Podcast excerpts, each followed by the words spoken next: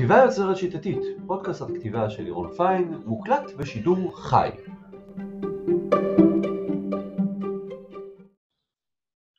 טוב, שלום לכולם, פורים שמח. אני התחפשתי לברז, מטפטף לי צננות האביב, אה, ואנחנו נעשה היום אה, שיעור אה, אימון שמבוסס על שיעור הסיפור והסיקור שנמצא באוצר.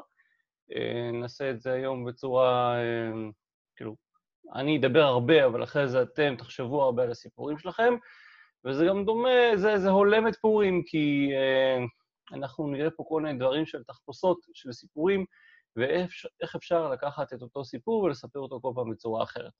אז סיפור וסיקור.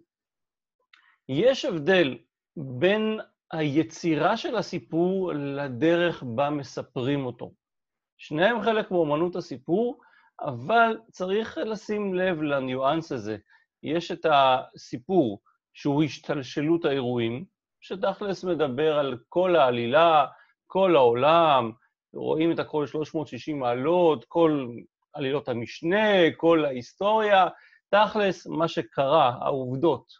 זה הסיפור. כשאנחנו יוצרים לנו סיפור, יש אנחנו יוצרים עולם, בוראים עולם שלם, שבתוכו יש המון המון המון דברים, ועולם זה דבר גדול, אז לקחתי את הפיל כמאפיין, ובואו נחשוב על סיפור כעל פיל, וכשאנחנו יוצרים סיפור, אנחנו בעצם בונים איזשהו פיל, ואנחנו מתכננים אותו בעולם אידיאלי, לפרטי פרטים, כאילו מתכננים אותו את הכל, אנחנו צריכים לדעת עליו הכל, הכל, הכל, צריכים ליצור את הפיל, את הסיפור במלואו, זה חלק מהתחקיר, זה חלק מהאוטליין, זה חלק מבניית העולם. זה הסיפור שלנו, מה קרה? יש פיל. אבל מה זה הסיקור שלנו? הסיקור זה בעצם איך מספרים את הסיפור, איך מסתכלים על הפיל הזה. כי הסיפור הוא רק חומר הגלם, וכשאנחנו כותבים ספר אנחנו לא משתמשים בכל הסיפור, אלא רק דוגמים חלקים ממנו. למעשה, הסיקור זה חלק מהעריכה המקדימה לכתיבה. ואם אתם כבר מכירים אותי, אם אתם יודעים שיש לי פילוסופיית עריכה שאומרת שצריך להתחיל לערוך לפני שמתחילים לכתוב בכלל. שיש לנו את המחשבה על מה אנחנו רוצים לכתוב, או מה מחליטים לסקר בסיפור. אנחנו צריכים להחליט מה אנחנו רואים ומה אנחנו לא רואים, או בעצם אנחנו מראים לקהל שלנו ומה אנחנו לא מראים. אה, צריכים להחליט באיזה סדר אנחנו קוראים, באיזה סדר אנחנו מספרים את הסיפור הזה, מההתחלה לסוף, אה, מתחילים בסוף, חוזרים להתחלה וממשיכים, אה, יש הרבה מאוד ערבובים שונים שאפשר לעשות, אפשר להחליט האם זה יהיה סיפור מסגרת או בלי סיפור מסגרת. איזה תחבולות אומנותיות אנחנו משתמשים, האם אנחנו מדברים על מספר לא אמין, האם אנחנו משתמשים, יש כל כך הרבה דברים. אז אם הסיפור זה הפיל, אז הסיקור הוא בעצם המצלמה שמצלמת את הפיל. בואו נראה דוגמה לסיקור כזה. דיברנו על פיל, אז בואו נראה סיפור בשלוש מערכות. זו מערכה הראשונה, פיל, זו המערכה השנייה, גם פיל, וזו המערכה השלישית. וזה בעצם הסיפור שלנו. ואנחנו סיפרנו אותו בצורה אה, מאוד מסוימת, אנחנו החלטנו לעשות את הכל בקלוזאפים. קלוזאפים על העין, על הפיל המסתכל, ואז אנחנו מראים על מה הוא מסתכל, ואז על מה שקורה שם, והתגובות של כל המבקרים ומה קורה. אז זה הסיפור שלנו, וזו, אה, וזו בעצם הדרך בה החלטנו לסקר אותו, בשני קלוזאפים ובלונג שוט. אז מה יותר חשוב, הסיפור שלנו, שזה הכל הכל הכל, או הסיקור? שאלה מצוינת, כמובן שהתשובה זה גם וגם, אבל אם נרד מהבנאליה של הגם וגם, נבין שסיקור טוב יכול להפוך כל סיפור לטוב. בגלל זה סיפורי האהבה הכי בנאליים בעולם, והרי סיפרו כבר את כל סיפורי האהבה האפשריים אלף פעם, או מיליון פעם, ועדיין יש סיפורי אהבה חדשים, שמספרים בעצם אותו סיפור, אבל מסקרים אותם בצורה קצת שונה, טובה יותר, טובה פחות, כך שהסיפור הכי בנאלי בעולם יכול להפוך גם את הסיטואציה, יכול להפוך גם לטוב, אם אנחנו יודעים לסקר אותו בצורה טובה. לעומת זאת, אם יש לנו סיפור טוב שמסוכר בצורה גרועה, אז אה, הוא ייהרס. זה סוג של הביצוע, כאילו הרעיון טוב, אבל הביצוע אה, אה, אה, גרוע. ואם נלך לדוגמאות לסיקורים מרתקים שלוקחים סיפורים שאולי לא כל כך, אה, לא יודע, בנאליים, לא בנאליים, בואו נראה אותם. אה, מועדון קרב, הספר וגם הסרט. אה, תכלס, אני לא בספיילר פה לאף אחד, מדובר ב, במישהו עם אישיות חצויה, עם, אה, ש, שעושה דברים מאוד מאוד מעניינים, אבל הבחירה איך לספר את הדבר הזה, בגוף ראשון, מספר לא אמין, היא זו שעושה את, ה, את הספר. חיי פאי, גם כן, ספר נפלא, סרט אפילו יותר נפלא, אה, והבחירה איך לספר את זה, היא בחירה מדהימה, כי, אה, כי היא עושה בעצם את, ה, את הסיפור כאן. מה, מה, מה קורה בחיי פאי? יש לנו ילד ש, אה, שעבר חוויה מאוד מאוד טראומטית, הוא מבוגר בסרט, בספר, בסרט, שעבר חוויה מאוד מאוד טראומטית, והוא מספר בעצם סיפור אגדה על חייו, עם כל מיני חיות ועם כל מיני זה, ורק לאט-לאט אנחנו מבינים שהכל בעצם אלגוריה לדברים אמיתיים ונוראים ואיומים שקרו. אז הסיפור הפנטסטי שלו הופך להיות למשהו מאוד מאוד מאוד חזק, וזה בזכות הדרך המעניינת שבה בחרו לסקר אותו. כי הסיפור זה ילד שניצל מספינה טרופה, ואז אה, נמצאים באיזשהו מקום, וכולנו מכירים את הסיפור. אבל איך מסקרים את זה? זה מה שהופך את הספר הזה לקסום, וגם את הסרט לקסום. צופן דה וינצ'י. צופן דה וינצ'י זה בכלל, כאילו, זה לקחת אה, אה, משהו דוקומנטרי ולסקר אותו כך שיהפוך לספר. כי צופן דה וינצ'י, העלילה עצמה פחות מעניינת, העלילה זה כאילו, אוקיי, יש לנו את, ה... את ההיסטוריון הזה, ש... שמתחיל לגלות דברים על איזשהו אה, רמזים לאיפה הגביע הקדוש. ותכל'ס זה יכול היה להיות מאמר מאוד מעניין, מאמר מדעי, כאילו תזה ב... ב... ב... לדוקטורט. אבל הוא החליט, הסופר דמאון, לסקר את זה בצורה אחרת, לעשות את זה כספר מתח, כספר מרדף, ואז זה הפך להיות משהו מאוד מאוד אה, מעניין, הרבה יותר מעניין מהמאמר, אה, שבסך הכל זה מאמר. לספרות זולה, הסרט שאנחנו אה, לא רבים מודעים, שהסרט הזה בעצם מתרחש בפרק זמן של 48 שעות. כל מה שמתרחש שם זה 48 שעות. ומתחילים בסוף, ועוברים לאמצע, ועוברים קדימה, ועוד פעם אחורה, ומתחילים, עוברים להתחלה, ואז... והכל זה 48 שעות. והפאזל המעניין שבה החליט היוצר לספר את הסיפור הוויזואלי הזה, הפכה אותו לסופר מעניין, חוץ מעוד אה, כל מיני דברים אחרים אה, שנעשו שם, כאילו הסיפור הזה הוא מעניין, אבל הסיקור שלו הוא מרתק. אז מה שאנחנו הולכים לעשות עכשיו, זה לקחת את הסיפור בין הקלאסיים ביותר בעולם, והסיפור של כיפה אדומה, ואנחנו נסקר אותו. נסקר אותו בכל מיני סגנונות, ונבין איך הסיפור הקלאסי הזה יכול להיות הרבה מאוד סיפורים שונים או סיקורים שונים, יצירות שונות שנובעות מזוויות ראייה, מנטייה לז'אנרים אה, שונים, צורות סיקור שונות. כיפה אדומה, כולנו שמענו בילדות, בואו נזכר בזה, נקודות העלילה. יש רקע לסיפור, והרקע זה שכיפה אדומה היא ילדה קטנה בימי הביניים, לא יודעים מה השם שלה, Red אה, Robin Riding Hood, משהו כזה. ילדה קטנה שגדלה אה, בימי הביניים, גרה עם ההורים שלה ליד היער העבות, במין מקום כזה שאולי צרפת, אולי גרמניה, אולי בלגיה, מין משהו כזה לא ברור, יכול להיות אפילו אנגליה. בצד השני של היער, סבתא שלה, היא גרה לבד באיזה בקתה, כמו שקורה הרבה, וסבתא שלה חולה. וכיפה אדומה מביאה לה קטרינג כל יום. אה, וביער, מה לעשות, יש זאבים, ואימא מזהירה אותה מהזאבים, דיר באלק, אל אה, תלכי אה, לזאבים. אגב, הסיפור הזה כולו הוא אלגוריה אחת גדולה, אבל נדבר עליה אולי אחר כך. אבל כרגע זה הסיפור, נקודת העלילה. והאירוע המחולל זה כשכיפה אדומה הולכת לסבתא שלה, והיא פוגשת זאב, והזאב מנסה לאכול אותה ולא מצליח, אה, הוא מנסה לפתות אותה באיזה שהם אה, נחלולי לשון כדי לאכול אותה, ולא מצליח, אבל הוא לומד לאן היא הולכת, היא הולכת לסבתא, אז הוא מפתה אותה לקטוף פרחים, בואי תקטפי לסבתא שלך פרחים, מרוויח זמן, ורץ בעצמו לבית של סבתא. במערכה השנייה הזאב מגיע לסבתא, מתחזה לכיפה אדומה, טוק טוק טוק בדלת, סבתא פותחת, הוא טורף את סבתא בשלמותה ולובש את בגדיה, מתחפש אליה. כשכיפה אדומה מגיעה, הוא מתחזה לסבתא, ואז יש את הדיאלוג המפורסם של סבתא, יש לך אוזניים גדולות, למה? כדי שאוכל לשמוע אותך. עיניים גדולות, שאני אוכל לראות אותך, למה פה גדול שאני אוכל לאכול אותך. והזאב טורף גם את כיפה אדומה בשלמותה.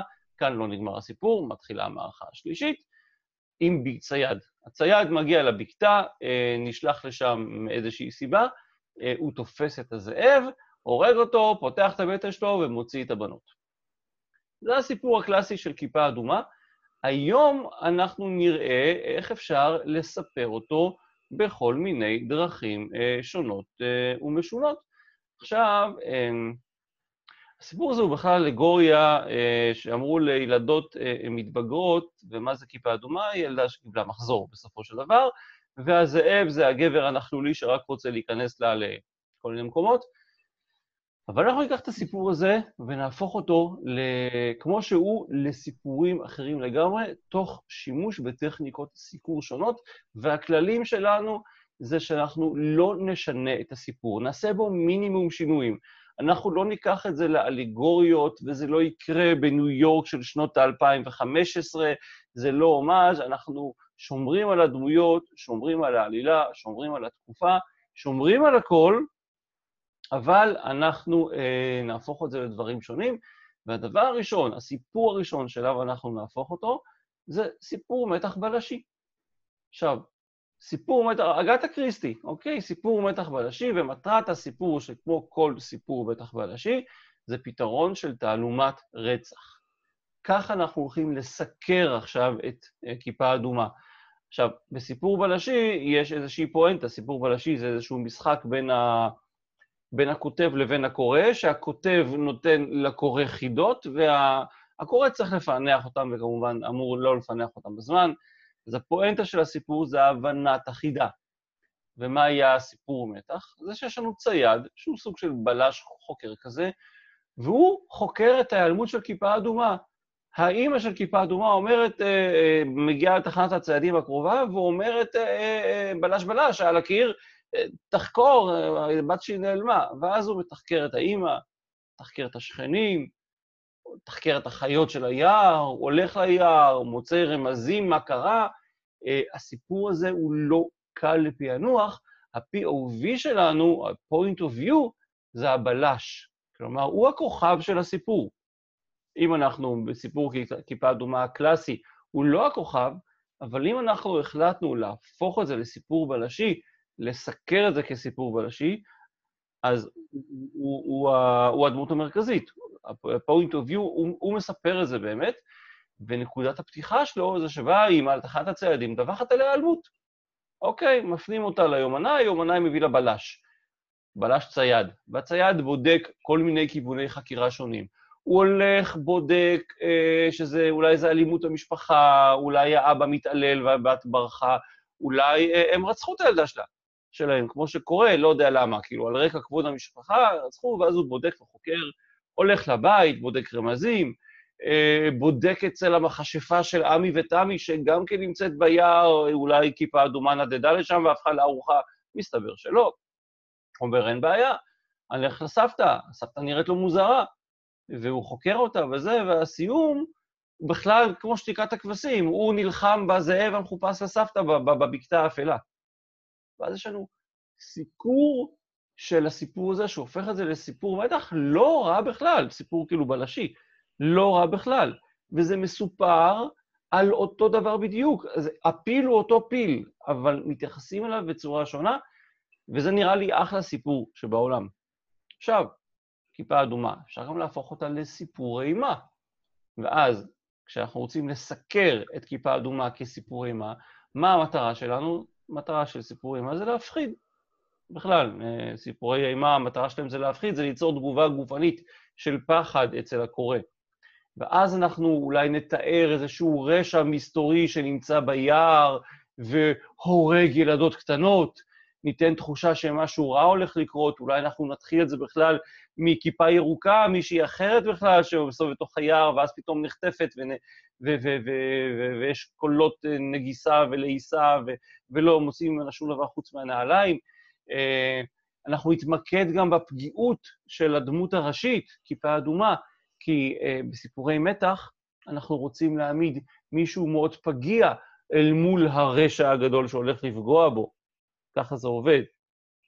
אז ה-POV שלנו, אם נרצה, סיפור, נרצה לעשות סיפור אימה, יהיה בעיקר של כיפה אדומה, וזה אולי יהיה בגוף שלישי, ונקודת הפתיחה שלנו זה שכיפה אדומה הולכת ביער, והיא מרגישה שעוקבים אחריה, ויש רשרושים, והיא רואה עיניים אחורי העצים, אבל זה נעלם לה. ואז אנחנו נעבור אל הזאב, שהוא מין סוג של רשע עתיק, אולי זה זאב בן 500 שנה, שקם פתאום לתחייה, ואנחנו נתמקד על כל מיני הפתעות ל, ל, לדמות ה-POV שלנו, לכיפה אדומה, של דברים שקורים לה, אולי גם ניקח את סבתא ונהפוך אותה לקורבן. אפשר לעשות מזה סיפור אימה בלתי רגיל. אם אנחנו לא נתמקד בזאב, נתמקד בכיפה אדומה והדברים הנוראים שקורים לה. זה יכול להיות יופי של סיפור אימה. אבל זה יכול להיות גם סיפור פעולה, שאלה מצוינת. בואו נבדוק את זה. בסיפור פעולה המטרה זה לתת לקורא מתח ואקשן אה, עם מרדפים ויריות ו... ודברים ו... ו... ו... ומלחמות. עכשיו, נשאלת השאלה, האם זה מתאים בכלל? אני לא בטוח, כי אה, אין בסיפור עצמו סוג אקשן. חוץ מבסוף שהצייד נלחם בזאב ומצליח לנצח אותו, אין יותר מדי אקשן, וכיפה אדומה היא לא הולכת להיות גיבורה של אה, סיפור פעולה, היא לא יודעת להשתמש בסכינים ואין לה רובה, אנחנו לא משנים את הסיפור. אז אם ננסה לסקר את הסיפור כמו שהוא כסיפור מתח ואקשן, לא נראה לי שזה יעבוד, הכיוון הזה בעיניי נפסל, וזו נקודה חשובה. כי לא כל סיפור אפשר לסקר בצורה מוצלחת בכל דרך שהיא. זה בסדר שכיוון נפסל, זה בסדר שהרבה מאוד כיוונים נפסלים. לא כל דבר מתאים לכל דבר. אנחנו כן צריכים, אה, מה שנקרא, לשפוט את הסיפור על פי מה שהוא. אפשר לנסות דברים, אבל לא כל הדברים יעבדו. בואו נראה אם הכיוון של סיפור התבגרות יכול לעבוד. עכשיו, בסיפור התבגרות, המטרה אה, של סיפור התבגרות זה כמובן להיכנס לתוך הראש של, ה... של המתבגר, לתוך הקונפליקטים שלו, בעצם להבין את ההתבגרות, לראות איזושהי תובנה המתגב... המתבגר משיג תוך כדי התלאות ההתבגרות שלו. אה, יש מצב שחיבור האינטרנט שלי לא בסדר, אה, אבל מקווה שאתם רואים עדיין בסדר. אמ, אז יש לנו את uh, ההתבגרות, ואז בדרך כלל כשאנחנו כותבים ספר סיפור התבגרות, היום לפחות משתמשים במספר של גוף ראשון, ואולי אפילו גוף ראשון הווה, כי זה הדבר שהכי פופולרי היום בסיפורי התבגרות, ואז אנחנו uh, נתמקד בעולם הפנימי של כיפה אדומה, ביחסים שלה עם ההורים, ביחסים שלה עם הסבתא, עם הגברים מסביב, בפגישה עם הזאב, האם הזאב סקסי, האם הוא יכול להיות חבר שלה. ואז נוכל לכתוב את כיפה אדומה מתוך נקודת מבט שלה כסוג של מתבגרת חצופה, ואולי נחליט שנקודת הפתיחה תהיה שכיפת אדומה בריב עצום עם האימא, כמו שכל אחד, כל הורה שנמצא כאן בשיעור הזה ורואה את זה, יודע לפעמים רבים עם האימא, אתה, אתה, אתה, לא מוכנה, היא רוצה להרגיש בוגרת, יש מרד נעורים, הולכת ליער, אני נפגשתי עם הזאב, הוא חבר טוב שלי. ואנחנו נשים דגש על החוויה האישית של כיפה אדומה ועל התלאות שלה, ואפשר לעשות מזה יופי של סיפור התבגרות לדעתי, כאשר בסוף יש בגידה של הזאב, הזאב שהיא חשבה שהוא חבר טוב, אז uh, לא, הוא בוגד בה וזה, ו, ואיכשהו יוצאת משם uh, מחוזקת מכל, ה, מכל התלאות האלה שלה. אז זה יכול להיות סיפור התבגרות קלאסי. שאגב, אני לא בטוח שזה לא נכתב במקור כסיפור התבגרות. כלומר, האגדה כמקור, בגלל השורשים הגותיים האלה שלה, אה, של הנערה שמקבלת את המחזור בפעם הראשונה, הכיפה אדומה שלנו. אבל היינו בזאבים, בואו נראה אם זה יכול להתאים כסיפור של אורבן פנטזי. מה זה אורבן פנטזי? ערפדים וזאבים, דמדומים, אה, כל הז'אנר הנחמד הזה, יומני הערפד. ואם אנחנו שמה, אז אנחנו כמובן נלך לסיפור של אוריג'ין של אנשי זאב. אנחנו אה, נדבר על העל-טבעי, אולי הזאב הוא בכלל זאב אדם כזה, שהוא מזדאב בליל ירח. ואז בסיפור כזה, בסיקור כזה, אנחנו אולי נתמקד במיניים של הזאב. מה מטריד אותו? והכוכב שלנו בכלל לא תהיה כיפה אדומה. הדמות הראשית באותו סיפור תהפוך להיות הזאב. ואז אנחנו נראה את העולמו, העולם שלו, ונקודת הפתיחה תהיה בזה שהזאב מנודה מהלהקה, והרי הוא, הוא, הוא חברתי, ובגלל שהוא, שהוא זאב אדם, אז הלהקה של הזאבים לא מקבלים אותו, אז הוא רוצה להשתלב בעולם האנושי, ואז הוא רואה נערה יפה הולכת ביער ומתאהב בה, ומתחיל איתה באיזשהו אופן אה, אה, אה, לא מקובל, כי הוא, מה לעשות, הוא זאב, הוא לא יודע, הוא לא מספיק מתוחכם, אז הוא יודע מה שהוא יכול לעשות. ואנחנו נרגיש הרבה סימפתיה אליו, כי הוא בסך הכל רוצה את אהובתו, והוא לא יודע איך לעשות את זה. והצייד יכול להיות הוא בכלל אה, לוכד של מזדהבים, של זאבי אדם. יכול להיות יופי של uh, סיפור uh, אורבן פנטזי כזה, עם, uh, לא יודע, אולי uh, סוף לא כזה טוב, אבל אולי סוף יהיה כן טוב. אולי העובדה שהצייד שפותח אותו בעצם משחרר אותו מהאור של הזאב, ואז הוא יכול להיות אדם, כמו שצריך. יכול להיות שהוא מצליח להתאחד עם אהובתו במותו. לא יודע. הרבה כיוונים, וזה כן יכול להיות אורבן פנטזי. אז ראינו איך לוקחים פיל אחד, שזה סיפור מאוד מאוד ברור, והופכים אותו למספר סיפורים שונים לחלוטין באופי שלהם, שכל אחד מהם זה ספר בפני עצמו, כל אחד מהם זה נובלה אולי בפני עצמה. שזה הדבר החשוב, כי כשיש לנו סיפור בראש, אנחנו רוצים לספר את הסיפור, ולפחות לחלק פה יש כל מיני סיפורים שהם רוצים לספר, שהם נמצאים בשלבים ראשונים של כתיבה, בשלב, שלבים מתקדמים יותר, מתקדמים פחות, כרעיון בלבד אולי, אנחנו נרצה, לפני שמתחילים לכתוב, להתחיל לגלגל את זה, לראות איזה סיפור אנחנו באמת רוצים לעשות, איך עושים את זה בפועל. עכשיו, השלב הזה שלפני הכתיבה הוא בעיניי שלב קריטי. כי אם נעשה שם בחירה נכונה, אנחנו כאילו ניצחנו 50% מה, מהקרב, מהמסע שלנו אל הלב של הקורא. אם עשינו בחירה לא נכונה, אנחנו יכולים להרוס סיפור טוב, להרוס סיפור מעניין, שלא לדבר להרוס סיפור בינוני. אבל אם יש לנו איזשהו רעיון שהוא בינוני מבחינת היצירתיות שלו, בחור פוגש בחורה, מתאהבים, הם לא מצליחים uh, לממש את האהבה בגלל איזושהי סיבה, ובסוף uh, uh, הם מתבגרים, מתגברים ומתאחדים. איך אנחנו הופכים את הדבר הזה למעניין לסיקור טוב? יכול להפוך את זה למעניין. אז בשלב הראשון, אנחנו לפני הכתיבה בכלל נבנה את הסיפור. נעשה איזשהו outline של הרעיון, ובשלב הזה אנחנו מספיק לנו לדעת שזה פיל, אנחנו לא חייבים לדעת הכל על הפיל, אנחנו אבל כן צריכים להבין פחות או יותר מה קורה שם. מהם הנקודות של הסיפור שלנו? במקביל, אנחנו נעשה בחירה של הז'אנר. עכשיו, אנחנו, שימו לב, לא בשלב הכתיבה, בשלב של ההתלבטות לפני הכתיבה. עכשיו, הבחירה של הז'אנר היא בחירה קריטית לסגנון של הכתיבה, כי אם אנחנו נבחר בעלילה בלשית, זה יהיה שונה לחלוטין מעלילת אה, נעורים, מבחינת הסגנון. אנחנו נצטרך להתחשב בכל מיני שיקולים, קודם כל מבחינת עלילה, אה, מה, מה, מה, האם זה מתאים בכלל לסיפור לעלילה, כמו שראינו, סיפור כיפה אדומה לא מתאים לעלילת אה, מתח ואקשן.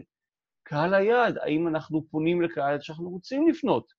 כאילו, אנחנו רוצים לספר סיפור, אם בכלל יקראו את הסיפור שלנו? אה, האם הסיקור הזה אפקטיבי האם זה עובד מצוין בגוף ראשון, או אולי שזה עובד גרוע מאוד בגוף ראשון, אולי זה יכול להיות בגוף שלישי, אולי זה עבר, אולי זה הווה, איך אנחנו הולכים אה, לעשות את זה. ואז, בשלב הזה שלפני הכתיבה, אפשר לעשות כל מיני אאוטליינים ניסיוניים לבדיקה. רק לראות את זה לעמוד, לראות אם זה עובר אותנו, אפשר גם להעביר את זה לאנשים אחרים, אבל קודם כל זה צריך לעבור אותנו ככותבים, כותבים של זה. אז זה בשלב הראשון. השלב השני, בונים את הסיקור של זה.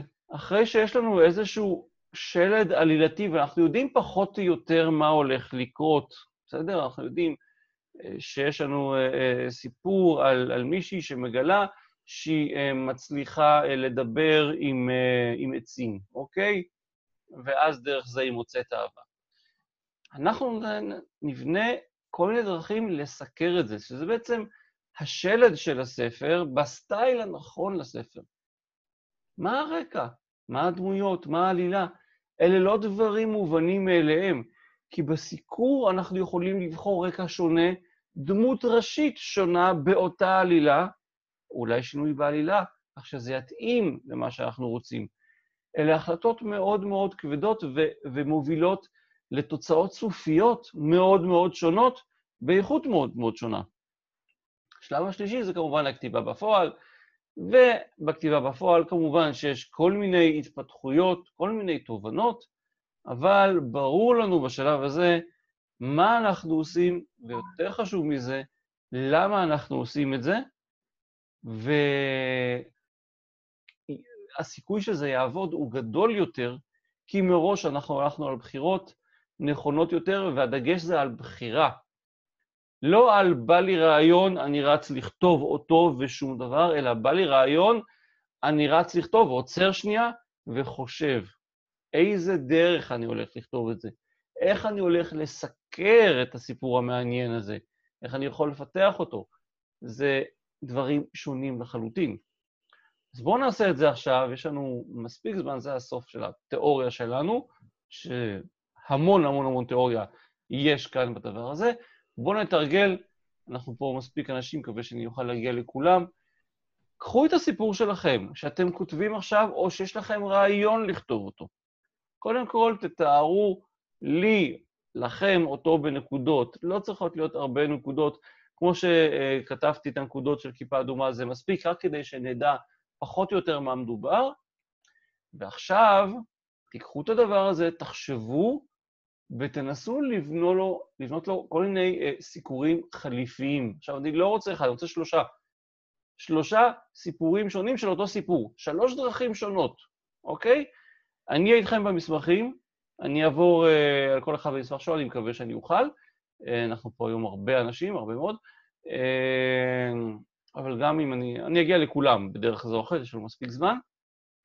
ואז ביחד נבחר את הדרך הכי מעניינת שבה אנחנו יכולים לספר את הסיפור הזה. עכשיו, חלקכם כבר uh, כתבו כל מיני אאוטליינים לסיפורים בשיעורים קודמים, וזה אפילו טובים. אפשר ללכת עליהם, אפשר לחשוב על משהו חדש, אפשר ללכת על העבודה, על הסיפור הרלוונטי לכם כרגע, על מה שאתם עכשיו כותבים או מתכננים או בשלבים ראשונים. אותי יהיה מרתק לדעת איך תיקחו את הדבר הזה, שאפילו כבר התחלתם לכתוב, ותבנו אותו בסיקור אחר לגמרי. ואולי הוא יהיה הרבה יותר נכון, אולי הוא יפתח אתכם למקום חדש לחלוטין. אז זהו, תפתחו את המסמכי גוגל דוק שלכם, תשלחו לי, תשתפו לי, ואנחנו uh, נתחיל בעבודה. טוב, uh, אז uh, אם אין שאלות, uh, אם יש שאלות אני קם בשביל לענות, ואם אין שאלות, אז אני uh, אגיד לכם תודה. ואני מקווה שתיקחו את, ה... את הטכניקה הזאת, תיקחו את, ה... את הדבר הזה ל... למקום שלכם. כאילו, יש פה אה, דרך לקחת את הרעיון, ובאמצעות חשיבה, לפני שמתחילים לכתוב אותו, לחדד אותו בצורה בלתי רגילה, כמו למשל הרעיון על הסיפור של, אה, של הגברת אה, שגדלה במושב בגולן אה, ומאבדת את בעלה, ואז היא נלחמת כדי להגיע, מה שנקרא, מגיעה, מגיעה להצלחה מתוך, זה, מתוך, מתוך משבר. ואפשר לספר את זה בצורה נורא נורא מעניינת, כאילו, כמו שאמרת, סיפור, עכשיו היא התמנתה לאיזה ראשת מפלגה או איזשהו שפיץ באיזה מפלגה, והיא, מסתכל, והיא מספרת על, על נעוריה. וזה דבר, זה נותן זווית נורא מעניינת לעניין, כי זה אומר שהיא כבר עברה איזשהו כברת דרך, ויכולה עכשיו אולי לחשוף את הסודות, ויש גם סודות. יש פה גם את הסיפור של ההתבגרות, אבל היא מספרת את זה מתוך נקודת עוצמה, את, ה, את, ה, את החלקים הקשים. אז יש פה אפילו עוד יותר העצמה נשית ממה, ש, ממה שהתכוונת בהתחלה, כי עכשיו אה, הגיע לאיזשהו סוג של פסגה שקשה מאוד להגיע אליה. אז זה נורא מעניין. זה בהחלט, אה, כן, זאת בהחלט נקודת השקפה מגניבה. וזה, וזה לא, לא כזה מפריע, כי זה סיפור מסגרת. כי אם כבר התחלת לכתוב את זה בגוף ראשון, אז כל מה שאת צריכה זה ליצור את המסגרת הנכונה, שהיא גם כתובה בגוף ראשון. וזה... כן, ואפילו בת זמננו, אז זה עוד יותר קל. נכון, היא בת זמננו. טוב, אה, אז תודה רבה לכם, אה, ואנחנו נתראה בשבוע הבא. תודה רבה. תודה.